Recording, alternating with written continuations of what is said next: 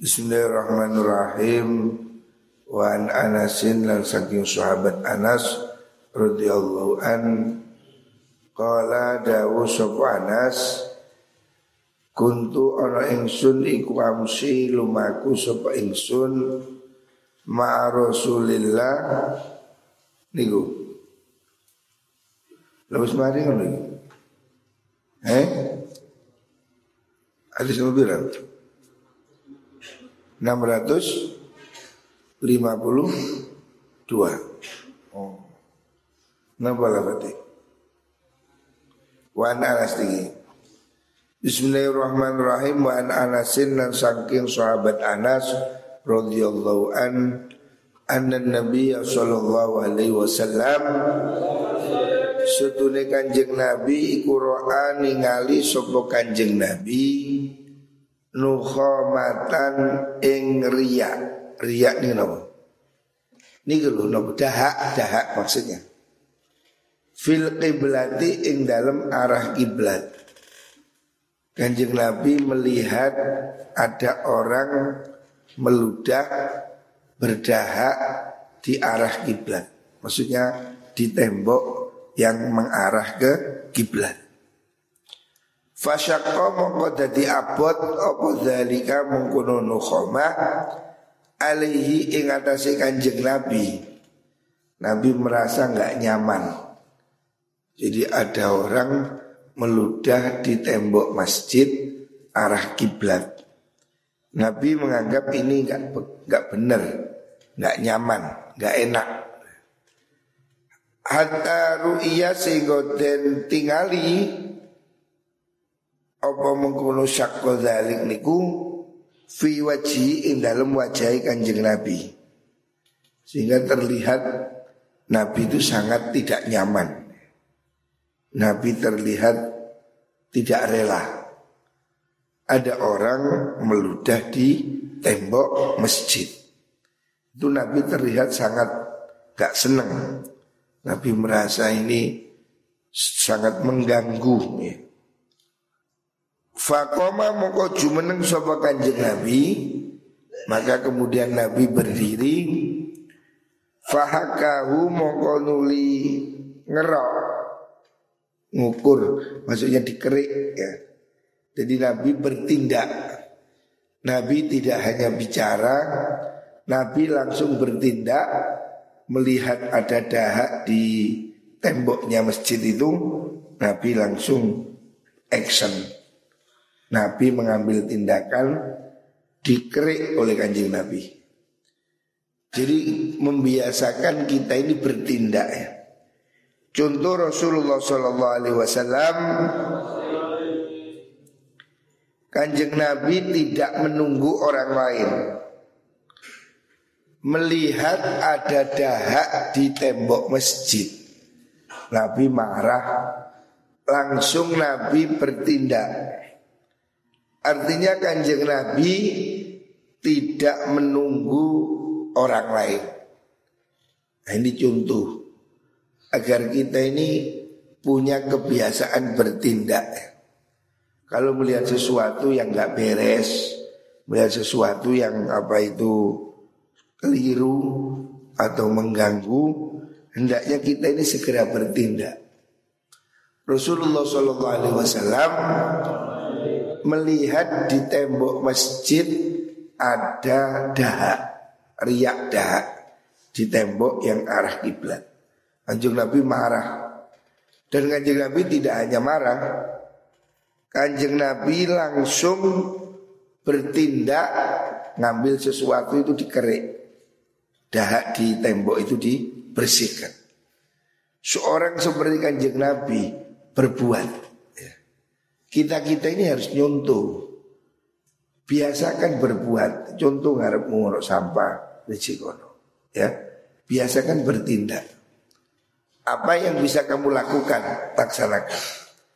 Ini dalam hadis ini dicontohkan Kanjeng Nabi melihat ada dahak nempel di tembok masjid. Nabi marah, langsung ngambil sesuatu dikerik. Jadi praktis gitu. Fakola mongko nuli dawu sapa Kanjeng Nabi Inna hadakum setuni salah suci sira kabeh Ida koma nalikani jumeneng sopo ahad Kamu itu kalau berdiri Jumeneng Fi sholati indalu sholati ahad Fa inna usuni ahad iku yunaji munajat sopo ahad. Munajat robbahu ing pengerane ahad Orang sholat itu berdiri munajat kepada Tuhan Wa inna rabbahu la sudai pengirani ahad iku bainahu ing dalam antarani ahad wa bainal kiblati lan antarani kiblat. Orang sholat itu berdiri menghadap kiblat, itu menghadap kepada Gusti Allah. Fala yabzuqanna mongko ojo ngidu temenan sapa hadukum salah suci sira kabeh kibalal kiblati ing arah kiblat Jangan sekali-kali kamu meludah ke depan. Ini adab. Kalau kamu umpamanya di masjid mau meludah, jangan meludah ke arah depan. Jangan meludah ke arah kanan. Meludah itu arahnya ke samping kiri. Tapi jangan motori masjid. Bagaimana? Ya bawa tisu. Kalau memang batuk eh, itu ya. Hmm, itu. Kalau kamu nggak bawa tisu, ya apa serban atau apa. Jangan mengotori masjid dengan ludah. Apalagi ke arah depan. Sholat mudah ke depan. Ini sangat tidak sopan. Bahwa dia sedang berhadapan dengan Allah subhanahu wa ta'ala. Kita aja di depan orang ngeludah. Kan nggak benar. Apalagi di depan Gusti Allah. Makanya Nabi melarang jangan sampai kamu meludah ke arah depan. Jangan meludah ke arah kiblat. Walakin an yasari tetapi saking arah kiwoniman ahad au tahta qadamihi utawa ing dalam isore delamaane ahad.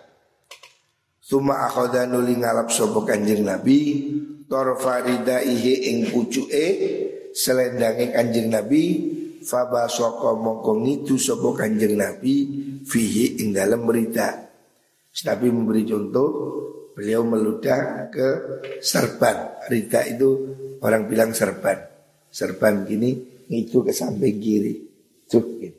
Jadi kalau meludah biasakan ke kiri Kalau itu di masjid Jangan ngotori masjid ya Bawa tisu atau serban apa meludah ke samping kiri. Suma akhadya Fabasoko itu Nabi fi dalam berita Suma radda nuli balik akan sopo Nabi Ba'dau ing sebagian rida Ala ba'din ing atasi sebagian kang liya Terus Au yaf'alu to agawi sopo mukun ahad Hakada ing mengini Akhoda torofaridai Jadi itu contoh sebegini Nabi memberi contoh. Muttafaq alaih Ini hadis sahih Muttafaq alaih. Wal amru tay perintah. Bil busaki kelawan ngidu An yasarihi hanging arah kiwoni wong. Allah laqadami uta isore dilamaane wong. Huwa ya mungkul amru iku fima ing dalam perkara. Ida kana nalikane ono sapa wong iku fi ghairil masjidi ing dalam liyane masjid. Fa amma fil masjid pun dalam masjid fala suku monggo ora kena ngidu sapa wong illa fi thawbihi angin ing dalam pakaiane wong. Jadi kalau kamu meludah itu ke kiri atau di bawah kaki. Itu kalau posisinya di luar masjid. Kalau di dalam masjid jangan sekali-kali ngotori masjid. Ya kamu harus siapkan nih tisu murah. Tisu kita kesaan. Jangan dibuang di masjid. Ini perintah untuk menjaga kesucian masjid. Masjid ini harus dihormati. Masjid ini rumah ibadah, jangan sampai dikotori. Apalagi kalau motornya itu di arah kiblat. ngotorinya tembok yang depan. Ini kan menjijikkan di depan orang. Sehingga Nabi bertindak. Ada orang tidak tahu usil, ngeludah di tembok. Nabi langsung bertindak dibersihkan. Artinya kanjeng Nabi mengajarkan kepada kita kalau melihat sesuatu nggak beres, jangan diem. Gitu. Kita ini kalau lihat kotor apa kerjakan langsung. Kamu lihat kamar kotor bersihkan. Apalagi masjid kotor bersihkan. Ibu contoh, eh, apa ngarepmu? Cukup digesak, mundur. Biasakan bertindak di mana pun kebiasaan bertindak ini positif ya. Kalau kamu suka nulung, suka berbuat, kamu pasti disukai orang. Jadi kalau kamu melihat orang lain repot, segera refleks, bantu. Ya. Biasakan menjadi orang yang suka menolong. Ada orang mau nyebrang, tidak usah disuruh, seberangkan. Gitu. Biasakan punya sikap suka bantu orang. Biasakan punya sikap suka berbuat. Ini yang akan membuat kamu dihormati orang. Jadi biasakan di mana pun kamu bertindak, apa yang bisa kamu lakukan. Ya walaupun itu kecil, kamu lihat di kelas papan tulis belum di apa, belum dihapus, kamu masuk hapus. Sekecil-kecilnya lakukan. Itu kalau kamu biasakan maka kamu akan biasa melakukan hal yang lebih besar. Apa yang bisa kamu lakukan? Lah, itu kata kunci supaya kamu itu disukai orang. Kalau kelakuanmu itu menyenangkan, suka nulung, suka bantu, di mana pun kamu disukai orang. Dan di mana pun kamu akan ditolong. Ini rumus timbal balik. Siapa yang menolong pasti akan ditolong. Tidak akan ke mana-mana ya. Sebuah yang kita tanam pasti kita panen. Makanya jangan terlalu perhitungan. Jangan ngitung bayaran piro. Jangan ngitung kamu dapat apa. Tidak perlu. Ya. Apalagi dalam perjuangan. Dalam perjuangan jangan hitung-hitungan. Mau masjid, mau pergi masjid. Jangan masih berhitung saya dapat apa. Tidak usah itu sekolah, itu di mana kegiatan sosial. Kalau kita berbuat, kita harus bersyukur ya. Tidak perlu kita dibayar atau dipuji oleh orang lain. Biarlah kebaikan itu dinilai oleh Gusti Allah. Jadi ini hendaknya kita niru kanjeng Nabi. Kanjeng Nabi melihat tembok ada dahak, langsung Nabi bertindak kerik bersihkan. Ini contoh positif. Kebiasaan yang positif ya. Ayo kita biasakan begitu Sehari-hari Contohnya sampah. Sampah ini loh Darurat sampah. Iku kamar Kamar sebelah kuno kamar apa ya? Sing ada Ngulon kamar apa ya B berapa itu B3 Kuno Opros Sendiri B3 Iki Ndiare iki. Hmm, iki. Mesti kau ketok sampah ngono yang golek omplong ngono lho. Oh, kecerdasan ya. Mesti kan yo ngerti toh sampah begitu. Ambil itu omplong tong sampah atau kamu urunan beli plastik. Plastik apa yang gede itu yang hitam itu bertindak ya, biasakan. Kalau kamu suka bertindak, itu jadi kebiasaan positif. Sampai kamu di rumah, sampai besok di masyarakat, kamu akan dihargai orang.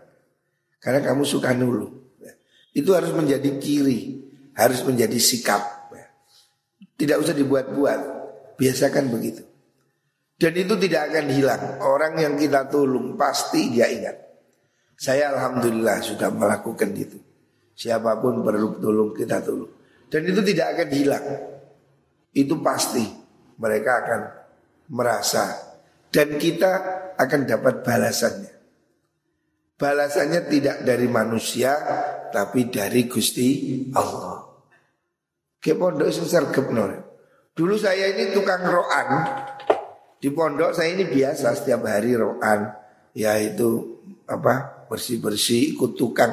Bahkan dulu saya itu ikut tukang ngeduk luluh itu. Ikut bantu nguli itu. Ya ngaduk lulu, menyampur semen. Campurannya berapa, kalau dibuat lantai sekian, kalau dibuat tembok sekian. Dan itu saya merasa senang. Artinya itu bukan beban, itu senang. Alhamdulillah hari ini kamu lihat bangunan saya tidak selesai, terus jalan. Ada yang bantu, ada yang ngurus. Kamu lihat bangunan ini. Kita sudah berapa miliar? Satu tahun ini kita bangun sudah bermiliar-miliar. Dari mana duit? Saya tidak tahu. Allah yang memberi. Ada aja orang menolong. Jadi saya meyakini apa yang kita tanam itu yang kita panen. Jangan khawatir. Kebaikan kita tidak akan hilang. Kalau kamu nulung orang, itu kamu nulung dirimu sendiri. Saya merasa alhamdulillah hari ini banyak yang nulung kegiatan-kegiatan saya apa yang saya lakukan. Kemarin hari santri saya menjadi ketua peringatan hari santri di PWNU Jawa Timur. Mendadak bikin 37 macam acara, bayangkan. Itu sulit sekali, tapi tidak sulit. Karena semua orang bantu saya. Ini lomba ini, lomba itu, bikin ini, bikin itu. Termasuk kita bikin seribu kandang. Kita ini bikin proyek hibah seribu kandang kambing seisinya sejawa timur. Ya saya tidak perlu mikul kambing, saya tidak perlu mikul pring. Adalah yang bekerja ada. Kita tinggal menyuruh ada yang bekerja. Kita bikin kegiatan ini itu. 37 kegiatan di PWNU se-Jawa Timur. Alhamdulillah saya tidak merasa sulit. Karena apa? Banyak orang yang senang hati menolong saya. Tanpa saya suruh mereka mau menolong. Itu loh. Apa yang kita tanam pasti kita panen. Bayangkan saya ngatur jangan seribu kandang. Bikin satu kandang saya nggak bisa. Tapi Kemarin kita bikin program seribu kandang. Bisa. Bagaimana? Ya kan kita punya teman. Kita punya jaringan. Ada yang punya uang. Ya. Ada yang punya media. Ini harus jadi kebiasaan. Kalau kita biasa nulung, ditulung. Bahkan tadi malam, kemarin malam resepsi hari santri PWNU Jawa Timur spontan ada yang nyumbang uang terkumpul 450 juta. Tidak minta lu saya. Ada yang ngasih 50 juta, ada yang ngasih 100 juta. Kapolda kasih 100 juta. Kita tidak minta. Kita tidak beri proposal, kita tidak minta. Mereka memberi sukarela. Jadi malam itu resepsi ASN kita menerima 450 juta. Allah yang menggerakkan kan? Saya nggak minta. Itu contoh ya. Kalau kita berbuat Orang akan berbuat. Jangan khawatir Kebaikan itu tidak akan hilang. Makanya kamu harus biasakan itu. Kamu harus meyakini ya. Jangan ragu-ragu. Yakin Semua yang menanam pasti akan panen Jadi kalau kamu berbuat Jangan berhitung Sudah lakukan aja Nanti balasannya datang dari Gusti Allah. Ojo khawatir. Gusti Allah tidak tidur. Gusti Allah maha melihat. Itu contoh. Saya tidak pernah jadi panitia-panitia tiba-tiba ditunjuk menjadi ketua HSN PWNU Jawa Timur. Kalau saya sendiri tidak bisa. Memang saya setiap hari di sini juga sibuk, Bangunan aja saya nggak pernah lihat. Tukang ini berapa? Tukang kita ini per hari berapa orang? Kan 30 ada. Di sini ada tukang. Di bangunan aula sana ada tukang. Di Pondok Putri ada tukang. Sampai saya nggak pernah lihat. Bayari terus. Tapi ya inilah ya. Kerja kita tidak sendiri. Kita tidak akan bisa kerja sendiri. Kita selalu butuh pada orang lain. Lah orang lain mau menolong kita kalau kita suka menolong orang lain. Ini contoh ya, contoh. Jadi saya bikin acara ASN di Pemprov di apa? PWNU Jawa Timur. Duit gak kesulitan, acara juga gak sulit, bahkan dapat uang. Jadi mendadak kemarin waktu acara resepsi HSN saya tidak tahu tiba-tiba ada datang ngasih 100 juta. Ada lagi 100 juta. Ada lagi 100 juta. Ada lagi 50 juta. Kumpul 450 juta. Tidak jaluk, nggak minta kadik pengumuman. Datang sendiri, menyerahkan sendiri. Saya tidak tahu tiba-tiba datang. Ini apa ini? Ini mau nyumbang. Oh silakan. Kita sedang bangun di PWNU kita bangun gedung 17 lantai. Kira-kira perlu biaya 200 miliar. Ya ngono ku duwe sapa mbo wis pokoke dilakoni. Jadi kita ini mesti punya semangat positif. Ojo turah turu ya semangat positif. Kekuatan. Jadi kita itu punya harapan. Ojo turah turu kok sapa turu. Ngaji turu wae. Babu amri wulatil umur birrifqi biriayan. Babu amri wulatil umuri bab perintah piro-piro wong kang mimpin. Wulatil umur ini pemerintah. Bab memerintahkan kepada pemerintah atau pemimpin birifki kelawan welas. Pemerintah harus welas Pemerintah harus peduli biro ayahum kelawan biro-biro rakyati bulatil umur. Ini bab khusus tentang pemimpin. Pemimpin ini menempati posisi penting. Sebab pemimpin ini bertanggung jawab pada rakyat. Wa nasihatihim lan nasihati mengkuno ro'ayahum. Wa syafaqati lan banget welas alaihim ing atase ayahum wa nahyilan nyegah an ghasyihim saking bujui rakyat.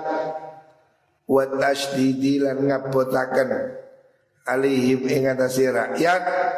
Wa ihmali masalihihim lan nyepeaken utawa ngosongaken piro-piro kebagusane ra'ayahum ini bab khusus Rasulullah Shallallahu Alaihi Wasallam mengingatkan para pemimpin, baik itu pemimpin level kecil atau level tinggi, presiden atau cari atau lurah, semua orang yang dipasrai jabatan memimpin maka dia harus peduli, harus sayang, tidak boleh menipu, tidak boleh pencitraan, pencitraan.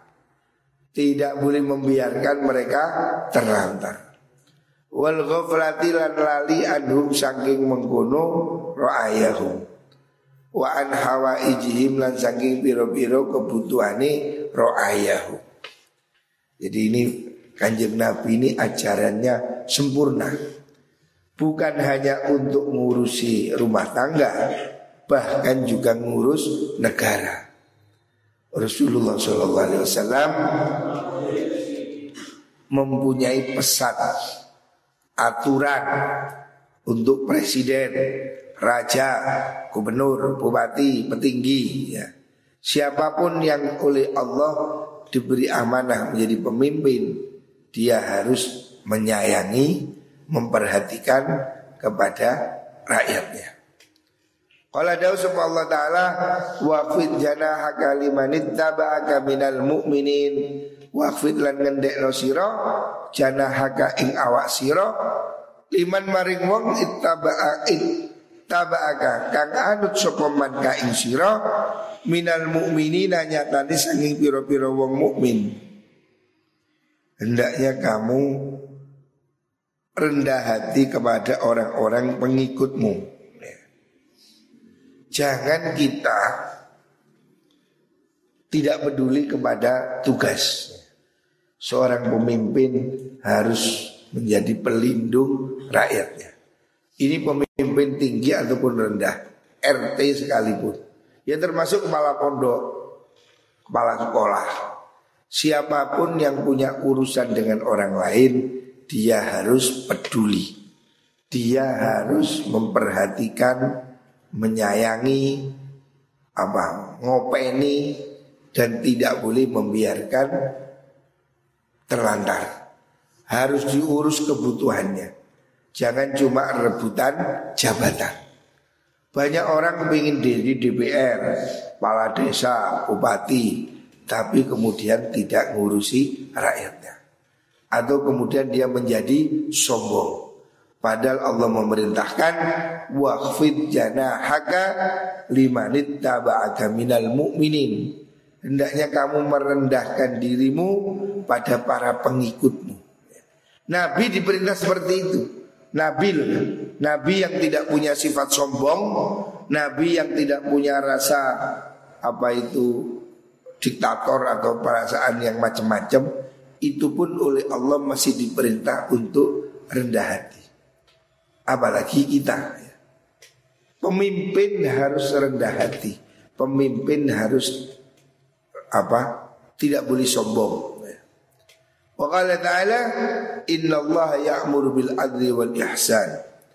Inna Allah ta'ala sunna Allah ta'ala iku ya'mur Inna Allah ya'mur perintah sumber Allah Bil adli kelawan adil Allah memerintahkan agar kamu berbuat adil Adil itu ikut aturan.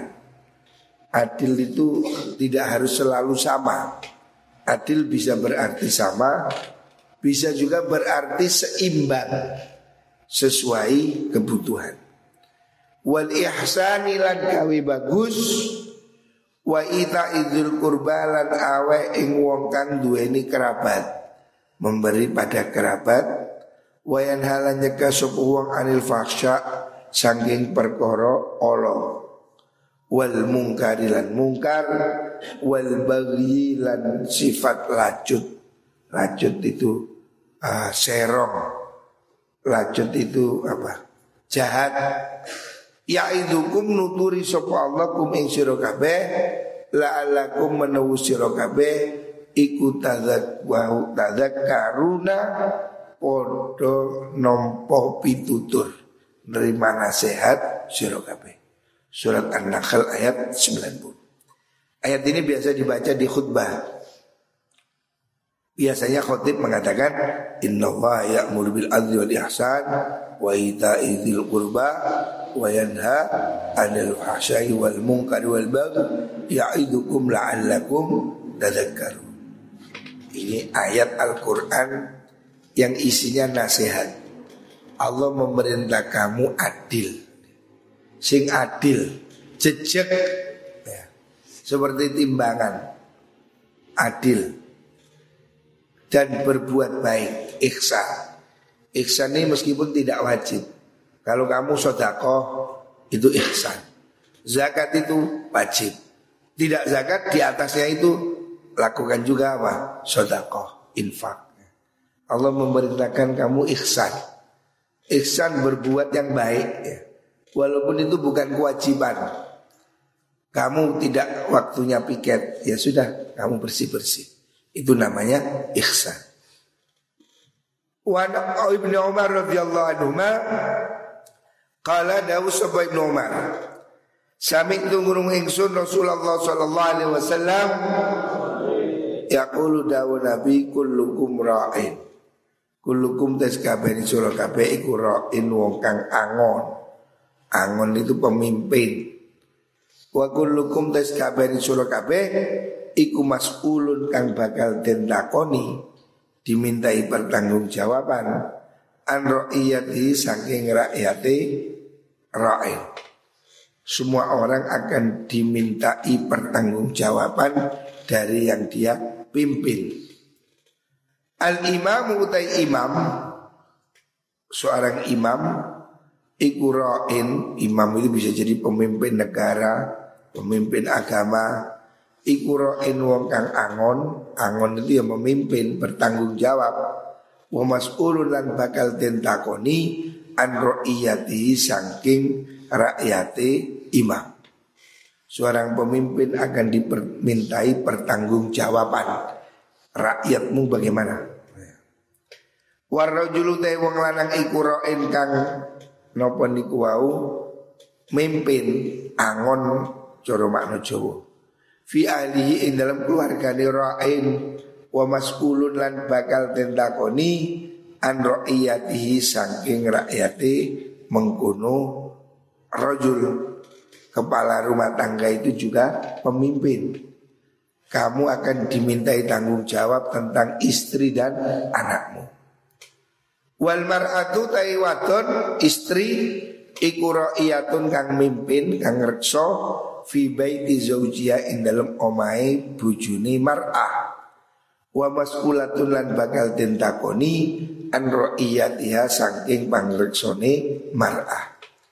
Istri juga pemimpin di rumahnya mimpin ekonomi. Istri akan dimintai tanggung jawab tentang pekerjaannya sebagai istri. Ngatur belanja ngatur rumah. Istri ini tugasnya di rumah. Wanita-wanita ini jangan semua pergi keluar rumah. Nanti rumahnya kosong. Anak-anak ini semakin tambah nakal Karena kurang perhatian dari orang tua. Harusnya ya Suami bekerja Istri di rumah. Wal khadimu pelayan ikurra'in kang fi mali sayyidi ing dalem bandane gustine khadim wa mas'ulun lan den takoni an ra'iyati sang rakyati mengkono khadim. Bahkan seorang kuli karyawan khadim petugas itu juga harus tanggung jawab pada tugasnya. Kamu dipasrai toko. Usah pengantuk lak semprot lak. Semprot lak. Turu kamu yang menjadi petugas koperasi, petugas toko, itu tanggung jawab. Itu kamu akan dimintai tanggung jawab. Ke mana uangnya? Jangan sampai dicuri. Wa kullukum tes kabari suruh kabeh kuroin wong kang angon, angon ini mimpin wa mas'ulun lan tentakoni dimintai tanggung jawab an ra'iyatihi saking rakyate utawa pangreksone kullu.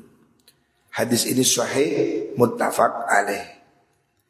Artinya Rasulullah Shallallahu Alaihi Wasallam mengingatkan semua orang harus tanggung jawab. Bukan hanya presiden, bukan hanya kepala desa, kita pun harus tanggung jawab pada diri kita sendiri. Kalau punya istri harus tanggung jawab. Punya anak juga harus tanggung jawab. Semuanya harus tanggung jawab. Semua akan ditanyai oleh Gusti Allah.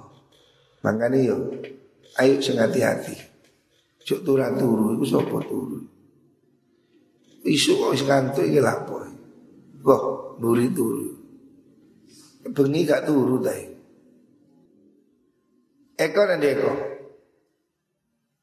Pak Eko nanti. Hafid nanti Hafid. Eko itu rugi kono. Nanti. Tahu kok. Turu. Tahu pergi ini. Ojo oleh turu kamarmu kok gudang kau oleh. Dilarang masuk gudang. Fit, gudangmu ojo oleh teleponi uang wit. Wape turu ke kamar ngono. Semuanya belajar disiplin. Semua ini akan jadi pemimpin. Hari ini kamu harus bisa memimpin dirimu sendiri. Wai ngaji, wai sekolah. Cutura turu itu waktu. Pak Milal ke mana? Mana dia? Hah? Semuanya pagi. Pak Guru itu mana? Hah? Suruh ngaji. Semuanya pagi supaya ngaji. Jangan ada yang tidur. Is, wallah.